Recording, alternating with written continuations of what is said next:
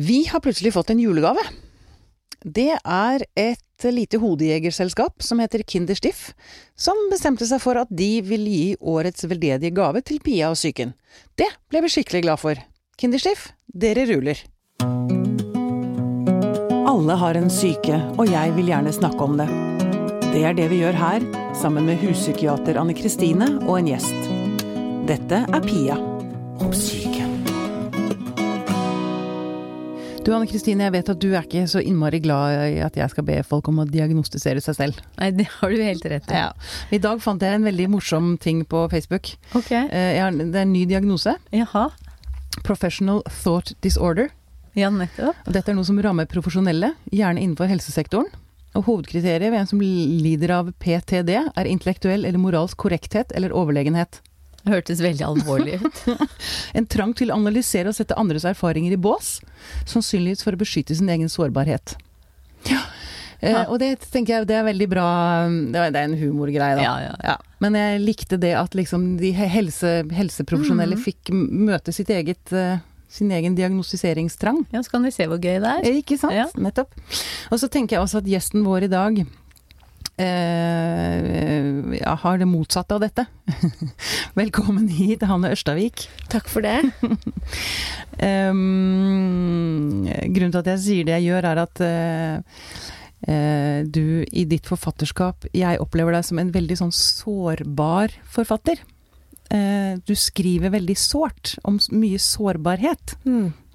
Eh, stemmer det, tenker du? Opplever du at det er en riktig Eller vi vil spørre deg sånn, hvis du skulle diagnostisere deg selv Der begynner du igjen. Da begynner jeg igjen. Jeg syns det er gøy å leke litt med det da. Det er derfor jeg Ja, jeg, sånn, jeg tenker nok at det jeg er opptatt av, er at det skal være mest mulig åpent.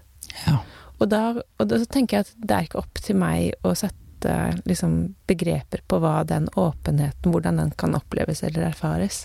Fordi det vil jeg bare skal være åpent, og så vil jeg at det skal leserne kunne erfare selv. ja. Eh, og at mest mulig åpent for meg betyr også å eh, åpne for at den erfaringen skal kunne falle ut i forskjellige retninger alt etter hvordan det erfares av den som leser. Ja, sånn at- at. Ja, ikke sant. Ja. At, at ting kan oppleves på forskjellige måter. Um, og det betyr ikke at jeg tenker at teksten er vag eller uklar, men jeg tenker bare rett og slett at sånn er det å være menneske i verden, at vi erfarer forskjellig, og at eh, når noe er mest mulig åpent, så kan det bli mest mulig sant for den enkelte, fordi Ja. da er det ikke en definisjon som man kjenner at låser, eller sier noe på en måte som ikke stemmer for meg, eller eh, det er ikke sånn, det er sånn. Men hvis på en måte en følelse på en måte er åpnet eller lagt fram sånn at den selv kan gå inn i den og kjenne den, så trenger en kanskje ikke definere den, men kan heller på en måte få være i erfaringen av den. ja. Sånn tenker jeg nok. Ja. Men ehm, jeg må bare si, jeg bare husker så innmari godt Jeg leste for mange mange år siden så leste jeg eh, 'Like sann som jeg virkelig'. Den gjorde enormt inntrykk på meg. Mm. Um, men i eh, Altså Føler du ikke at du utleverer deg? Eller altså, altså de de tankene og følelsene du beskriver, er jo tanker og følelser du selv har hatt. Eller det lurer jeg på med mange forfattere, egentlig. Om ikke det er Det er jo veldig utleverende. Ja, det er sånn veldig interessant. Det tenker jeg aldri på. Gjør du ikke det, nei? Nei. ehm, jeg tenker bare på at jeg er veldig heldig som får være i romanen og får Fordi at jeg tenker egentlig ikke Jeg føler ikke at jeg utleverer noe, men jeg føler at jeg undersøker noe. Ja. Eh, og det trenger jeg å gjøre. Og jeg trenger å undersøke det. Det er derfor jeg skriver. Fordi, fordi jeg Fordi jeg trenger eh, å være i den værensformen som romanen er. Romanen er en utvidelse av verden, eller en mer på en måte gjør verden mer virkelig for meg. Det er sånn det å få, få undersøkt noe i romanen som roman. Eh, men jeg opplever ikke at jeg utleverer Nei. meg. Men eh, holdt på å si, skjønner du mer av deg selv eller verden rundt deg via når du skriver en roman? Når du går inn i en et materie eller i roller, rollekar... Altså du kan se, belyse ting fra andre perspektiver, liksom? Ja.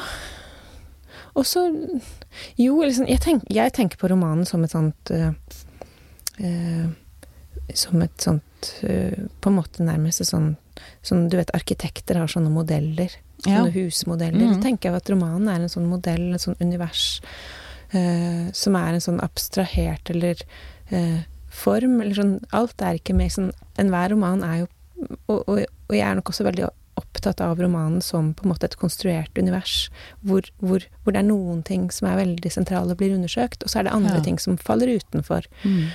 Eh, det syns jeg er helt greit. Sånn at jeg har ikke den knausgårdske eh, fortelle alt Nei. selv der. Selvfølgelig, også der er det jo gjort valg, liksom, og utvalg. Men mm, Hva var det egentlig du spurte Nei, om? det, det, det ehm, Nei, om du lærer Om jeg lærer forstår om, mer? For, om du forstår mer av deg selv. Ja. Om du skjønner dine egne mekanismer, liksom, når du skriver ut karakterer. Ja, jeg, det er, akkurat det der er litt mysteriøst, syns jeg. For jeg, jeg tenker at hver roman har liksom sin på en måte ender med at jeg liksom syns at endelig har liksom noe fått form og blitt undersøkt. Og så går det en stund, og så skjønner jeg at hallo, liksom. Det eneste jeg har gjort, er å skrive meg fram til et punkt hvor det åpnes nye spørsmål. Og så må jeg skrive en roman til. Men du, sånn er det vel egentlig litt med psyken, og nå ser jeg bort på huspsykiateren, Mm. eh, at eh, vi kommer jo liksom aldri til sånn herre Ja, nå har jeg, nå har jeg kontroll. Nå vet jeg hvem jeg er nå. Nei, altså, man blir jo aldri ferdig. Nei. Eh, Og, eh, nei, altså man blir jo aldri ferdig med å bli kjent med seg sjøl, eller ferdig med psyken, eller Nei. ferdig med noe. Så jeg syns jo det er nydelig den måten du beskriver det på, at du bare du åpner opp, og så undersøker du, og da finner du jo selvfølgelig ut at det er mye mer Mm. som er eh, aktuelt å undersøke. Mm. Og sånn sett så er det jo det å gå inn i psyken, altså det er jo på en måte det man gjør når man går inn i en, en roman, enten som forfatter eller som leser. Som leser, ja. At, man går, at man går inn i At man velger seg en liten del av universet som man går inn i. Og så Mm. Ja, For så det- er, det- er man der. Egentlig nå kom jeg på det, eller nå tenkte jeg på dette med diagnostisering. Det er jo egentlig et forsøk på å parkere et menneske. Det kan fungere som en parkering. At Ja, nå er du Nå har vel liksom Nå er du definert. Ja, det er fors forsøk, tenker jeg, på å, å kunne si, ramme, ramme inn. Forsøk på å sette tak og vegger og, og sånn rundt eh, Altså rundt eh, følelser og symptomer og alt sånn. Mm. Men det er jo fordi at eh, det er innafor det rommet så har man et begrep om hva som skal til for å være til hjelp. Ja.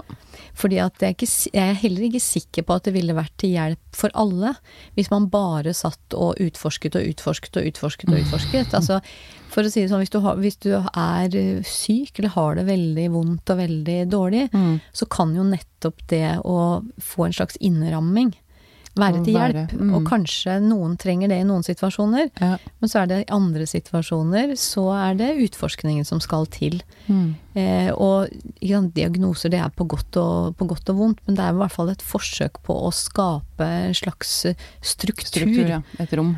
Og, og Mm. jeg jobba jo med pasienter, eller gjort det i mange år, og husker jo særlig ei eh, ung jente som eh, hadde en, en tvangslidelse. Hun sjekka ledninger og elektriske apparater, og altså hun brukte flere timer på det hver eneste dag. Mm. Og trodde bare at hun var veldig, veldig rar. Og så hadde hun tvangstanker, og hun trodde at hun var et stygt og fælt og slemt menneske fordi hun hadde disse tankene. Mm. Og så fikk vi snakka om det og kommet fram til at det passa egentlig bra med den diagnosen obsessiv-kompulsiv lidelse. Mm. Og vet du, hun ble liksom ti kilo lettere, fordi hun sa det er ikke jeg som er et dårlig menneske, jeg har en sykdom. Ja, nettopp. Så, så jeg tenker at diagnoser blir jo ikke bedre enn den måten man bruker dem på. Nei. Nei. Det kan være en hjelp òg, selvfølgelig. For noen er det det. Ja. ja. Du Hanne, hvordan eh, Hva slags forhold har du til din egen syke? Jeg spurte deg jo om hvis du skulle diagnostisere deg selv. Ja. Jeg vet ikke helt For meg så blir det rart å tenke på at psyken er noe annet enn at, at den er noe jeg skulle ha et forhold til, som om den var noe annet enn meg. Eller sånn, hvis du skjønner hva jeg mener. Mm. Ja, det er, det er også en fin måte å Ja. Mm. Fordi jeg på en eller annen måte opplever at jeg lever At jeg lever noe Det jeg kanskje mest kan si, at jeg opplever at jeg, at jeg lever veldig mye langt inni meg selv. Eller sånn, Ja. og, at, og at det uh, For eksempel hjemme i leiligheten så har jeg satt opp masse speil. Og det har vært litt sånn til hjelp for meg selv, fordi at jeg kan synke veldig langt inn. Og så du, du gjør det ikke for å se på deg selv nødvendigvis, men for å gjøre deg selv virkelig Ja, for å, komme, for å bli trukket ut til, liksom, til utsiden av meg selv. For å på Mm. en eller annen måte være Og det, dette er bare liksom snakk om noen sånne nyanser, men liksom rett og slett for å bli litt sånn obs på at På at verden der ute fins, eller et eller annet sånt noe. Eh, Men hvordan forholdet jeg har til min egen sykdom Jeg vet, jeg vet jo du har, du har i hvert fall vært i terapi. Ja, jeg går Og er fortsatt i terapi.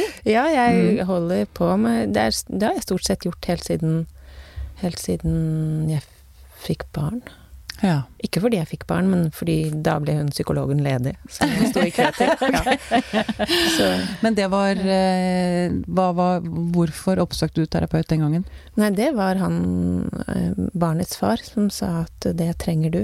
Og jeg sa at ja, men Jeg sto i kø for å komme inn på MB-studiet i psykologi, Ja. og, jeg sa at hvorfor skal jeg gå i terapi og oppta en plass, liksom? Jeg klarer meg jo her i Mm. verden. Og det mente han at det, det kunne man kanskje se på på forskjellige måter. Og, og jeg kom endelig, fant endelig fram til denne utrolig varme, kloke Hun like før hun skulle gå med pensjon, at, at Mm. jeg begynte hos henne, og så gikk jeg hos henne til hun var langt over 70 år.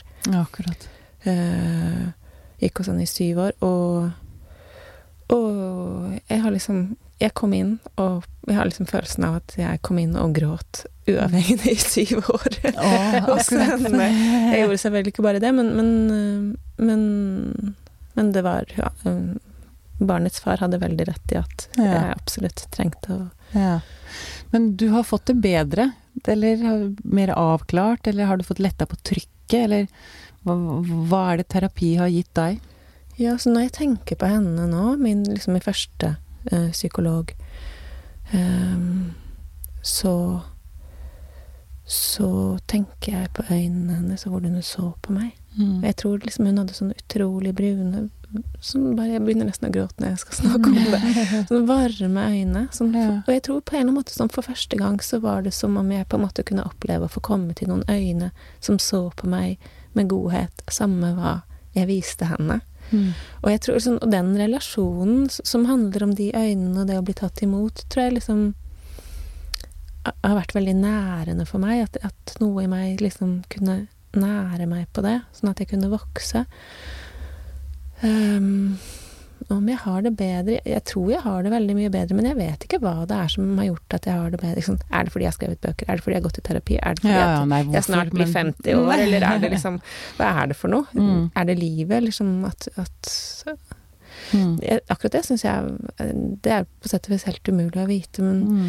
jeg har det bedre. Men, men det er jo ikke sånn at liksom Jeg vet ikke. Jeg, jeg tror jeg mer og mer liksom kommer fram til at jeg kan på en måte ikke liksom bli terapeutisert en gang for alle og, og Nei, liksom ha det godt. Life is easy from now on. Men du syns eh, at livet, eller at eh, jeg, har- lyst til å Er det ting fra barndommen du bearbeider, liksom? Eller er det bare livet generelt du trenger hjelp Altså navigering jeg går jo også i terapi, Mm. og jeg tenker at det, har med helt klare barndomsting, liksom, eh, å gjøre. Um, og jeg har jo en sånn jeg, Men jeg driver og, og håper liksom å bli forløst. Mm. Det har jeg begynt å skjønne etter ganske mange år nå, at det skjer ikke. Det er ikke en sånn derre Der satt den! Der var nirvana, liksom. Ja. Men jeg vet at jeg har et sånt ønske om det, men, jeg, men det er noe med Ja, jeg har i hvert fall Som du sier, det å bli sett i en smerte man har båret på en stund, Mm. er uh, veldig viktig. Mm. Uh, så jeg bare lurte på hva, liksom, hva, hva du tenker om, om det er barndomstraume. Jeg jeg, jeg hørte deg på Sånn er du med Harald Eia og Nils Brenna. Veldig fin, eh, eller interessant analyse. Men der fortalte du en ganske sterk historie om at du gikk inn i en situasjon med faren din. Eh, hvor han hadde ikke krenket deg, men han hadde vært eh, Hva heter det Ned, Nedvurdert deg, eller Ja, kan ikke du fortelle den historien? Det var Ja. denne Snickers Uh, Snickers-historien. historien. ja, Uh, Det var fascinerende at du klarte å gå inn og gjøre noe med den. ja, fordi at jeg tenker sånn Fordi at jeg husker Jeg er av de som jeg tror det er veldig mange av, som husker veldig lite fra barndommen min. Mm. Og det jeg husker, er liksom veldig, veldig klare sånne situasjoner eller bilder. Og det er nesten som bare på en måte fastfryste øyeblikk, som på en måte er det Ja. jeg husker.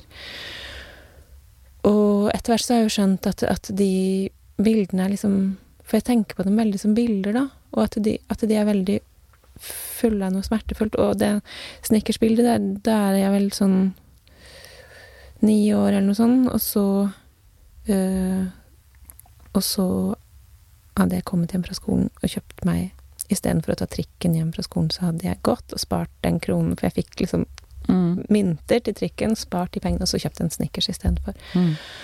Og så kommer pappa inn på rommet mitt, og så ser han at jeg spiser Snickers, og så sier han 'Ligger du der og trøstespiser?' Mm. Med en veldig forakt. Fordi trøstespise, det skulle man ikke. Mm. Og det visste jeg veldig godt, for det betydde at man trengte trøst, og det skulle man heller ikke trenge. I det hele tatt, eh, og sånn. Eh, og, men først og fremst den forakten i blikket hans, forakten i stemmen hans, den forakten var helt forferdelig. Og den skammen jeg følte over å bli sett sånn, som jo mm, og det, Men det jeg da jo, gjorde, det som har jeg jobbet veldig mye med, å jobbe med, jobbe med indre bilder på den måten at Litt sånn inspirert av Jung og hans eh, Hva er det han kaller det? Nå har jeg glemt hva det heter, men å gå inn i drømmer Ja. eh, etter at du er ferdig drømt, og så på en måte være i en sånn tilstand med drømmen. Men i alle tilfeller at jeg går inn i det bildet og styrker og kan liksom kan jeg, Så at jeg Med det bildet var det, liksom, var det veldig sånn at jeg kunne være der, kjenne liksom den jentas smerte, og så kunne jeg sende inn meg ja i dag. Så kunne du stå der sterk og forsvar, ta henne i forsvar. Ja, eller, eller liksom først og fremst så bare så jeg at hun var lei seg, så kunne jeg holde henne, holde henne inntil meg. Så var vi liksom to der. Og så kan jeg liksom, den store kan jeg snu meg mot han og si, vet du hva, nå syns jeg bare du skal pelle deg ut, og at hun kan få kose seg med den sjokoladen. Det der syns jeg bare var noe innmari jævla tull av deg å si. Og sånn. Og så, så kan jeg passe på henne. Øh, og det høres på en måte veldig lettvint ut, men, men, men å gjøre det med et nærvær i følelsen, å gjøre det med et nærvær i bildet, å være hos seg selv på den måten, har i hvert fall jeg erfart at det har gjort at noe i mine sånn grunnstemninger og grunnskam har kunnet forandre seg, da. Ja. Eh, Men klarer du det alene, eller har du en, liksom en terapeut med deg, eller Jeg, jeg får kjempegod hjelp av en psykomotorisk fysioterapeut. mm. Uh, hun er kjempeflink, og hun mm, har liksom satt meg litt på sporet. Men så gjør jeg egentlig veldig mye selv. Ja. Så jeg gjør det sånn Noen ganger så, sånn lærer jeg liksom litt sånn hvordan jeg kan gjøre det av henne. Og så gjør jeg Gjør det, på, Ja. gjør det på egen hånd. For det Mm. høres ut som et veldig, veldig bra verktøy. Altså, det, det er jo Vi jeg også tenker jo på oss, selv om vi nå er voksne og jeg er 50, ehm, så bærer jeg jo med meg alle disse små barna Mm. opp igjennom som er blitt såret. Mm. Og det høres så fint ut å kunne gå inn som en voksen og Mm. ta det barnet på fanget. Eh, og gi det barnet den styrken eller den tilhørigheten eller den Ja, som det barnet ikke fikk den gangen, da. Mm. Ja, og jeg tenker at det er så viktig å liksom Alle de som liksom sier at ja, men det er jo liksom barndommen, men jeg tenker at alt De bildene vi Sånn Minnene våre er jo på sett og vis liksom De er her og De De er er konstruksjoner, og de er, Mm. de, og de er virkelige. Det vi husker, er virkelig for oss nå. Og derfor er alt vi gjør nå, er ikke, er ikke da. Nei. Det er så lett å liksom tenke at ja, men det var da, men, men det du husker, er nå. Og, alt, Og smerten er jo Følelsen er jo like, kan være nesten like intens nå. ja, og, all, ja, og alt- Ja, ikke sant? Mm. Og jeg tenker at det der med at, at det du kjenner er nå. Det du kjenner er ikke da. Du, du kjente noe da også, men det du kjenner akkurat nå, er nå. Mm. Så enkelt og så på en måte fundamentalt er det. Mm. Og der går det an å jobbe. Men jeg blir veldig nysgjerrig på hvordan du som Ja, ja, så ser jeg psykolog bort på tenker det. Ja, nei, jeg tenker jo det at det er, det er, det er veldig, skal si, veldig sånn nydelig å høre den måten du beskriver det på. Fordi at eh, jeg tenker at du har veldig, veldig rett i det du sier. Og at det er mange som har forklart det du sier nå, med veldig mye vanskeligere ord og mer innfløkt. Men den måten du sier det på, gjør det så, så, så selvsagt. For selvfølgelig så, så, er det jo sånn at eh, man avslutter ikke noe og lar det ligge eh, 40 år tilbake. Man Mm. bærer det jo med seg hele tiden. Og det der eh, som du forteller også om det å gå inn og trøste sitt eget barn. Altså det brukes jo i mange sammenhenger på mange forskjellige måter, og kunsten er jo å gjøre det og tro på det. Mm. Mm. Sånn at det faktisk Det blir nesten som en liten tidsreise. Fordi du går inn og gjør Er til stede hos det barnet du en gang var, på en troverdig måte. Som gjør at det lille barnet kan klare å tro på det Mm. når det plutselig er tilbake i deg som voksen igjen. Mm. Og, og det der å få hjelp av din egen voksne til å forstå at det var urettferdig. Det Mm. var dårlig gjort. Det var ikke din skyld. Mm. Og det å klare å si det sånn at du faktisk tror på det. Og det er jo skal vi kalle det? Kan kalle det trøst. Kan kalle det forsoning. Mm. Men for jeg tenker også det du sier, Anne Kristine. Jeg, jeg har jo forsøkt lignende ting, men ikke klart det. Men kanskje fordi jeg ikke Det er som om jeg ikke helt tror på det selv, at det er mulig. Mm, Eller et eller annet. Har du noen tips, Hanne, til altså, hva, hva, hva gjør du som Altså, du høres ut som du skaper varig endring, ikke sant? Um, hva er det du gjør som gjør det troverdig? Ja, men det er veldig interessant det du sier, også, Ann-Kristin. Det der med å tro på det. Å Mm. kunne tro på det. Liksom, jeg tenker liksom ofte det at liksom de store liksom sprangene Jeg tenker liksom sånn kirkegårdske sprang, da. Mm. For meg selv i forhold til I forhold til å, å hele noe. Har på en måte alltid vært det der Alltid vært tilliten, da. Både til meg selv, men også til andre. Jeg husker da jeg gikk på Rosen Rosen Terapi? terapiutdanningen, Rosen-metoden, så, så, så satt liksom Jeg har studert i år og dag på universitetet og skrevet bøker osv. Satt der sammen med frisører fra Mysen, ikke sant. Og, Mm. liksom, og, og så skulle vi dele ting. Mm. Sånn, og, og der han på en måte og, da måtte jeg jo liksom erkjenne for meg selv at der satt jeg og hadde en viss forakt og en viss mistillit til at liksom disse, disse liksom eh, Litt sånn Se og Hør-aktig liksom Hallo, Mm. kan de ta imot meg? Og så, Mm. og så husker jeg så veldig godt eh, Flere ganger så var det den der erfaringen om at jeg tar sjansen. Ok? Mm. Ja. Og det var veldig sånn Det var ikke mye som skulle ha skulle liksom Den, den var Vippe veldig feil vei? Nei, liksom. Mm. mot liksom Nei, dette Den tar jeg ikke, liksom. Mm, mm. Men, men, og så gjorde jeg det. Og så ble jeg tatt imot. Og så kunne de virkelig romme meg mye bedre enn jeg klarte å romme meg selv. Ja. Og, det, og den erfaringen av de tingene om igjen og om igjen uh, har også vært utrolig dype og helende for meg. Det at, at, at å våge å vise tillit. Ja. Og også når jeg ligget på Rosenbenken og fått opp bilder og liksom Skal jeg liksom Skammet meg. Kan jeg, det, kan, jeg liksom, kan jeg si dette til hun som gir meg behandling nå? Mm. Så, eller kan jeg i det hele tatt liksom våge å kjenne det? Ofte har jeg liksom følt meg som en sånn skihopper, du vet, når du sitter sånn Jeg har aldri hoppet på ski, men Nei. forestiller meg hvordan, hvordan det må være Ja. å sitte der, På toppen, ja. Ja, og så Mm. liksom bare puff, Slippe liksom, taket. Ja, Mm. tro at liksom At svevet kommer. Stole på Leap of faith heter det jo. Mm, mm. Leap of faith, ja. Of Mm. faith. Og det er jo det du beskriver. Det Mm. der å, å kaste seg ut og rett og slett stole på at det holder. ja. Mm. Men noen tips i forhold til det? Jeg, jeg vet ikke, men, men jeg, sånn, jeg tenker jo av og til at Min psykolog sa til meg et eller annet om at Men samtidig så jeg, Noen ganger så tenker jeg at Nå skulle jeg liksom til å si at hun Men det, du går jo i terapi. Det var mer sånn om folk går i terapi De, de må Mm. liksom virkelig måtte det. For, men jeg tror Men av og til så kan jeg tenke at det liksom er nesten litt sånn legning, eller hvordan man på en måte Hvordan man er Hvordan bare man er konstituert. Hva- For å Ja. gå i terapi? Nei, Nei. i forhold til hvor stor grad man har tillit. Tillit, ja. Legning eller erfaringer.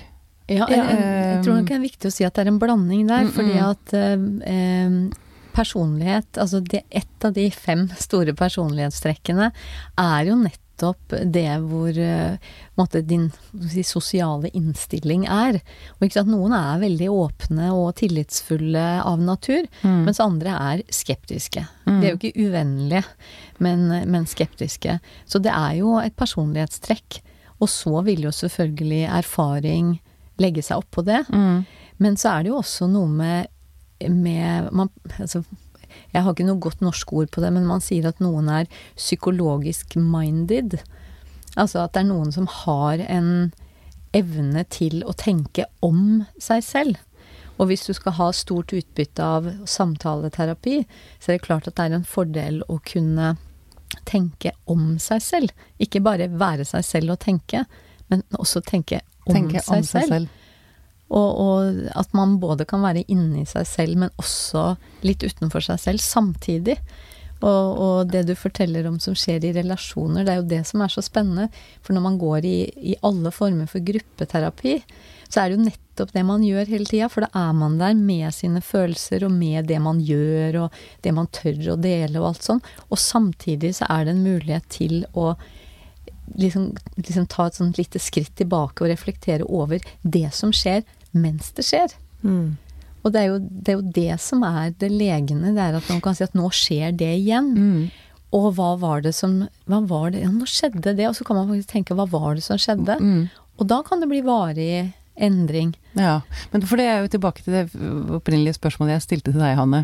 Hva, hvordan, hva slags forhold har du til din egen syke? Mm. Det går jo vel på det der at man liksom tenker Oi, her er det noe som ikke funker. Dette, dette, er, dette gjør ikke meg selv godt.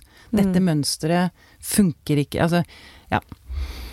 Eh, for jeg tenker Altså, det, det er jo det jeg håper at vi gjør med denne serien, er jo å prøve oss å hjelpe for, Altså få et blikk Mm. Fra andre som gjør at du tenker Oi!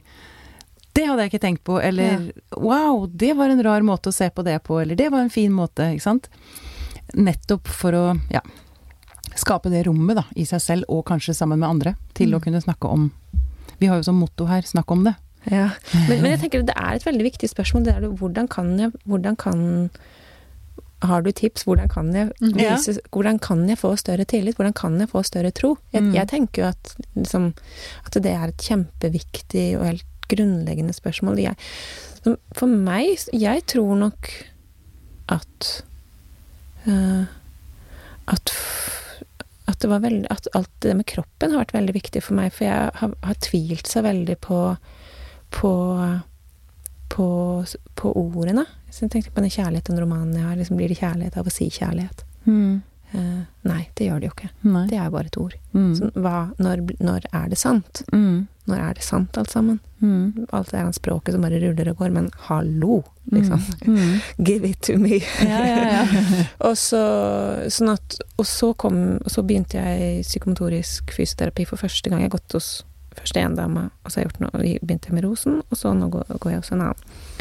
Utrolig dyktige mennesker. Og så Og hun Det å komme og liksom Uh, og da hadde jeg ikke hørt om Rosen engang, da jeg begynte i psykomotorisk fysioterapi. Men det å, det å bli berørt sånn, hun, hun, hun ga meg avslappende massasje liksom hver gang jeg var der. Mm. Fordi det må tydeligvis hun ha tenkt at det var det jeg Det var det trengte. tenkte. Det, Mm.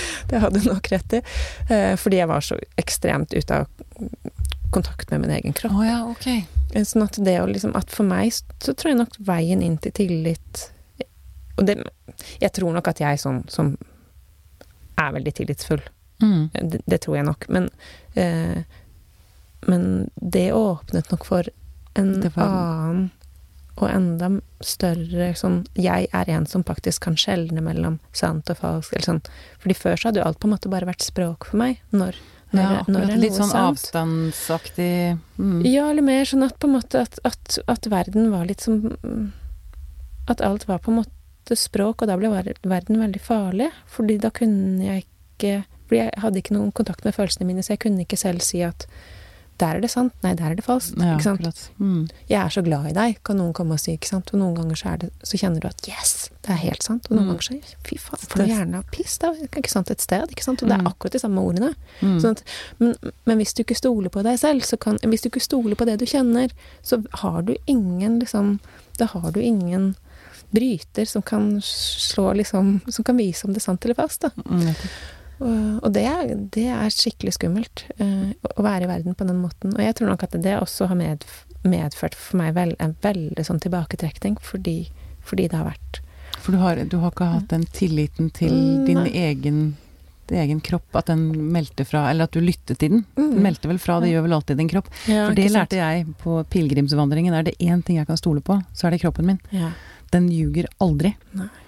Når den forteller deg noe, når det verker, hvis det, altså det, det da er det sant, liksom. Mm. For jeg er helt enig med deg at ord eh, Hvis man bare stoler på ord, så blir man fort forledet. Mm. Men eh, dette, det du beskriver, og det er jo sånn Nå ser, ser jo ikke lytterne hva vi gjør her, men eh, det er ofte interessant å snakke om at man har dårlig kontakt, og nå holder jeg da hånda sånn over halsen. Sant? At man mangler kontakt mellom det som er over halsen og det som er under halsen. Mm. Og da lever man et hodeliv.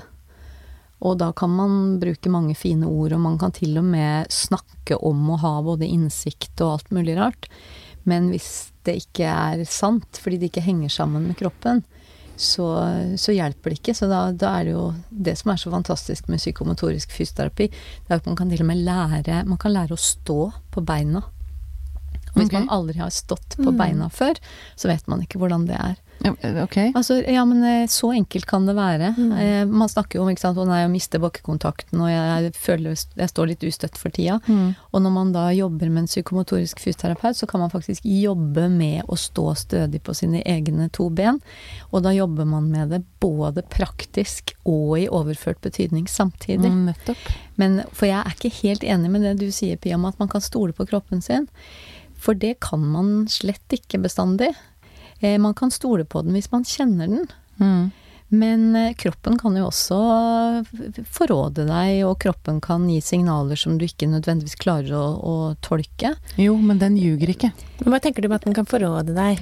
Nei, ja, ja, eller altså sånn som hvis du Eller ikke forråde deg, men eh, det kan føles litt sånn hvis du føler oppi hodet. Altså hvis du er, er skikkelig tøff og sterk og klarer alt, og så plutselig så får du, får du sånn diaré at du kan ikke gå på jobb på 14 dager. Det er en veldig tydelig måte for kroppen å si fra at det du tenker oppi hodet ditt, det stemmer Nei, stemmer men det er jeg helt enig med deg. For hodet, hodet, kan, eh, hodet kan forlede deg, men kroppen tenker jeg alltid snakker sant, jeg. jeg. Ja du, kan, ja, du kan godt si at den snakker sant, men hvis du ikke forstår hva det er den sier, Det er jeg med på. Sånn at det, det blir liksom sånn for enkelt Det er så mange som sier man må stole på kroppen, Mm. men det er jo man må stole på samspillet mellom hodet og kroppen. Mm. Man må bli kjent med kroppen. Mm.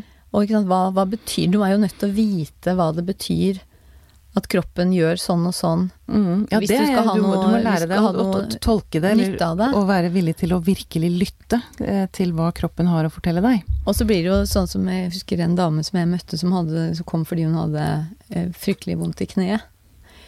Og da kan man jo si det at om det kneet løy eller ikke, altså det kneet ble en bærer av hennes livssituasjon.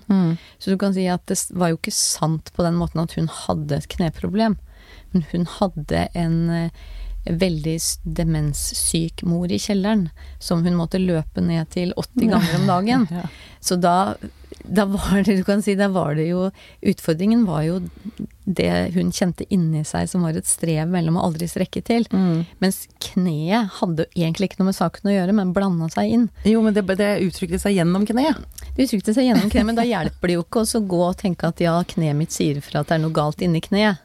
Nei. det kneet sa ifra om noe helt annet. Jo, jo, men det er, det, det er egentlig poenget mitt, tror jeg. At eh, kroppen forteller deg ting som er Som ikke funker, liksom. Det, det kommer ut gjennom kroppen. Ja, men da må, du ha, da må du jobbe nok med sammenhengen. Det er vel det som er mitt Ja. budskap, da. At hva kroppen driver med, det er nå én ting. Men hvis du ikke klarer å jobbe med hode og kropp, og så løse opp sånn der sperra som Mm. sitter i halsen, eller på halsnivå, så måte hjelper det ikke å stole på kroppen. Du må ha en slags tolkningsnøkkel også. Så det er sammenhengen mellom det som foregår i hodet og det som foregår i kroppen som enige. blir eh, viktig. Ja, det tror jeg også. Det er. Ja. Vi er nok det. Men jeg er bare, ja, jeg er bare Mm. opptatt av, Mm. eh, av de, de som lytter til oss, Ja. at fordi om de har vondt et sted, så liksom skal du Hvis du tenker at du skal stole på kroppen, hva, hva, skal, hva skal du med det? Hvis du skal stole på den smerten? Jeg tror jeg skjønner hva du mener. Du må på en måte liksom gå i dialog med den. Du må mm. høre hva den, hva den smerten Ja, prøver å si sant? deg. Mm. Ja. Og også ha mot til å Ja. høre hva den har å Hva si, for det er kanskje si. ikke alltid ikke sant? Jeg tenker at det er jo den store Mm. utfordringen også, da. Mm. Mm. Hva sier det kneet egentlig? Mm. ja. Orker jeg egentlig å høre det? Ikke sant. Ja. Um, Hva tenker du, Hanne, om eh, psyken og plassen den har i samfunnet, i livet til folk, sånn når du ser på Nå vet jeg at du bor i Milano om dagen. Mm. Eh, det er faktisk et annet spørsmål jeg å stille. Er det veldig forskjell på folk? Italienere og nordmenn? Tenker du at du ser store personlighets... Altså på gruppenivå? Ja, eller sånn, sånn Men det er vel kanskje mer et kulturelt trekk. Men Milano er jo virkelig en storby. Mm. Eh, og liksom norditaliensk. Og, og at Italia er organisert i et mye mer sånn klasse, klassesamfunn enn en Norge er. Mm. Eh, sånn at, at det er rett og slett Folk har mye mer enn Folk beskytter seg mye mer. Det, oh, ja. det, er, det er så lett å tenke på at italienere er jo så åpne og tenkt overstrømmende og Mm. sånn, men milaneserne er rett og slett eh, reserverte og ganske som en sånn plate. Det, det skal ganske mye til, på en måte. Og jeg må alltid være den første til å myke opp, eller mm. eh, fordi Fordi de på en eller annen måte tar vare på noe, opplever jeg, da. At, Mm. at jeg Beskytter noe, beskytter, eller Ja, Mm. noe og tar vare på noe gjennom å på en måte Gjennom å ikke slippe til så lett. Mm. Slippe andre til, eller slippe seg selv ut, eller Og så veldig sånn Og så er det og så, Men det skal ikke så veldig mye til, og nå har jeg lært meg nok italiensk til at jeg kan småprate med folk, og, og da er det ikke så mye som skal til. Så er liksom så men, men jeg må gjøre det først, Ja, akkurat. er min erfaring, da. Mm. Og, at det er veldig forskjellig i forhold til Norge, hvor, du liksom, hvor jeg opplever at vi på en måte lever i en mye mer sånn, mye mer sånn homogent samfunn, Mm. hvor vi ikke trenger å på en måte ta vare på på en eller annen måte en eller annen type verdi. Alt dette er fortsatt litt sånn vagt for meg, men en eller annen type verdi, da, i møte med andre gjennom å på en eller annen måte holde avstand. At, Mm. at vi, det er akkurat som om vi på en måte vet at vi har verdi fordi vi er her sammen, i dette liksom samfunnet som vi har sammen, på en måte. Og så øh, Og så er det er mye lettere å smile til noen og så få et smil tilbake, eller bare noe sånn helt sånne småting, liksom. Ah, ja. Det, så det, og det har vært litt sånn tøft i forhold til å komme til Milano. ja, det skjønner jeg. ja. Men det er jo også litt det der med, med status. Eh, Du ser det jo når man er på, i hvert fall i min bransje, da, er på konferanser, også i egentlig hele helsevesenet og sånn òg. Så i Norge så er det sånn man hilser med navnet sitt, gjerne. Mens eh, nedover der så er det sånn at for hver grad du har, så skal du ha liksom et eget navneskilt.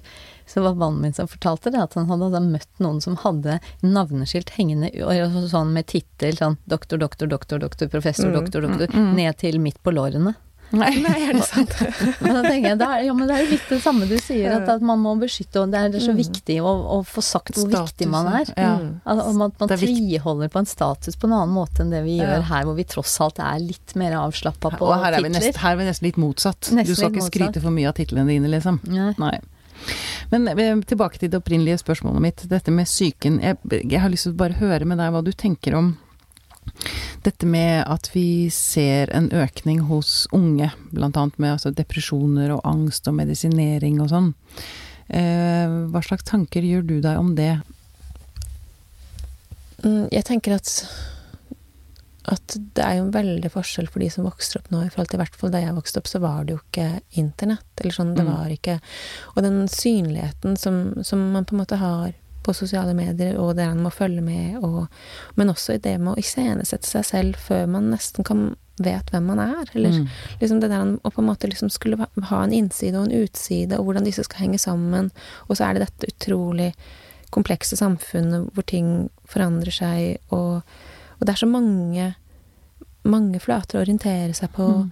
og på en helt annen måte, liksom, kan jeg Mm. tenke, enn da jeg var tenåringsjente og satt liksom på pikerommet mitt i Tana og, og nærmest var litt sånn understimulert. ja, ikke sant? Under, ja, Ja, men sånn, sånn sånn, opp fra skrivebordsskuffen og Tid for bok på radio var liksom store høydepunkt i Mm. uka. Mm. Sånne ting. Og de to kveldene biblioteket var åpent og Ikke sant. ja. Sånn mm, Mens i dag så er det Det er noe helhelt Og jeg Mm. tenker at det er en, når det er så mye som på en måte skjer der ute, og som skjer visuelt, så tenker jeg at det der med å lukke øynene, hvordan kjennes det inni? og når har du liksom tid til å på en måte gå innover? Fordi det indre, det er der og skjer hele tiden, men det trenger å bli vært hos. Jeg tenker Ja. sånn at det der å skape både rom og og, og, en, og en type oppmerksomhet om at det også er et sted, Mm. selv om det ikke syns, Mm. så er det et sted eh, å være. Åh, det der tror jeg faktisk er den beste beskrivelsen jeg har hørt på problemet vi har i dag. Det, Jo, men som du sier, Ja. altså det med å iscenesette seg. Vi bruker Mm. så mye tid på å iscenesette istedenfor å altså, ja, liten, eh, liten oppmerksomhet på det rommet som er inni. Mm. Veldig fint. Jeg tenker at det er en det er store mindfulness og alle de er store Mm. De handler jo om Alle sammen handler jo om, det, om, om å være Om å være til stede. Mm. Og kjenne hvordan det er Mm. akkurat nå. Jeg, jeg kjenner jo også at jeg kan bli altså, utslitt av alle plattformene man skal forholde seg til. Mm. Og alle nyhetene man skal forholde seg til, alt man skal forstå. Jeg ble så glad øh, hørte du sa at øh, du ikke interesserer deg eller kan noe om politikk. Utrolig deilig. ja, men det er øh, Altså, ja, jeg syns det er litt Jeg, jeg syns også det er slitsomt å forholde seg til alt man burde ja. for å være et bra menneske, liksom. mm. Det ja, ja. ligger ikke for meg. Nei, og det tenker jeg at det må jo også være lov. Det med politikk syns jeg Jeg syns det er først og fremst liksom bare veldig, veldig vanskelig. Mm. For jeg har aldri liksom, Da kommer det nok en gang inn igjen det er mitt forhold til liksom språk og hvor, hvor er det sanne, hvor er det liksom egentlige. Mm.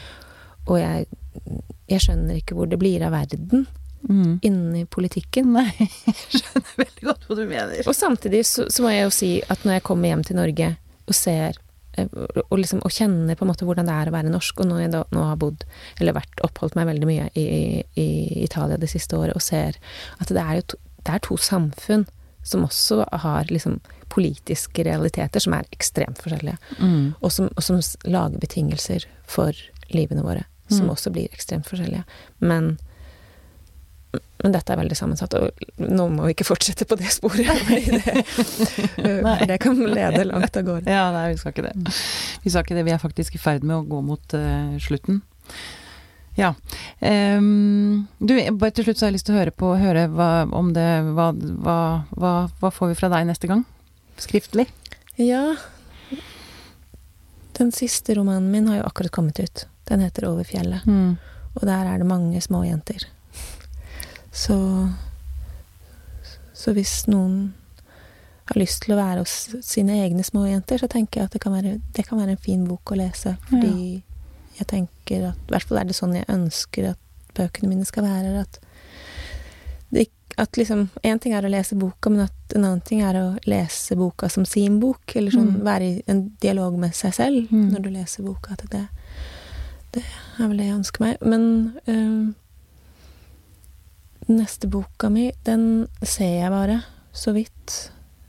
Eller jeg vet egentlig ganske mye om den, men den liksom Den, Den er venter du- på meg. Ja, men jeg Mm. kan egentlig Jeg sier egentlig aldri noe om dem. Nei. det er lov å forsøke seg, da. Må holde energien der. Mm. Ja. Ja.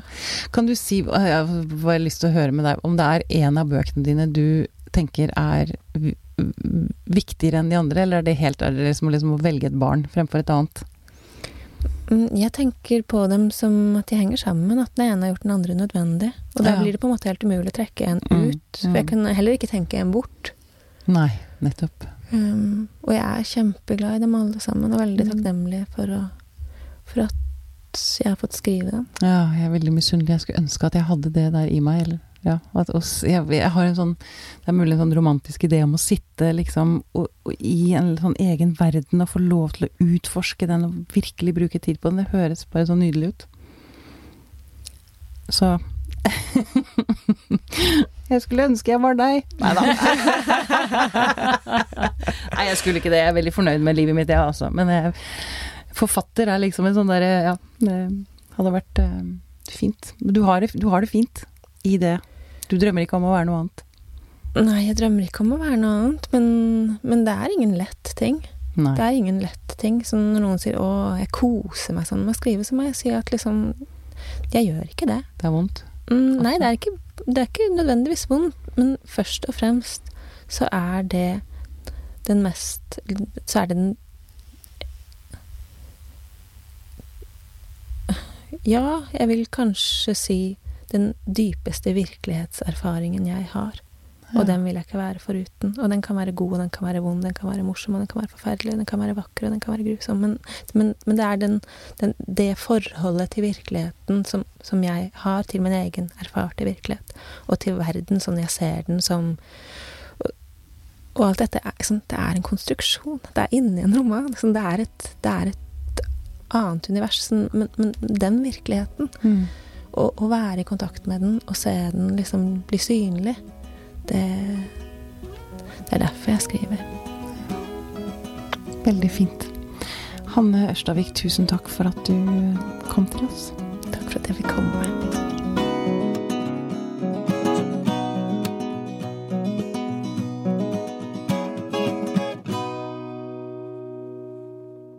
Denne Podkasten er produsert av Tid og Lyst.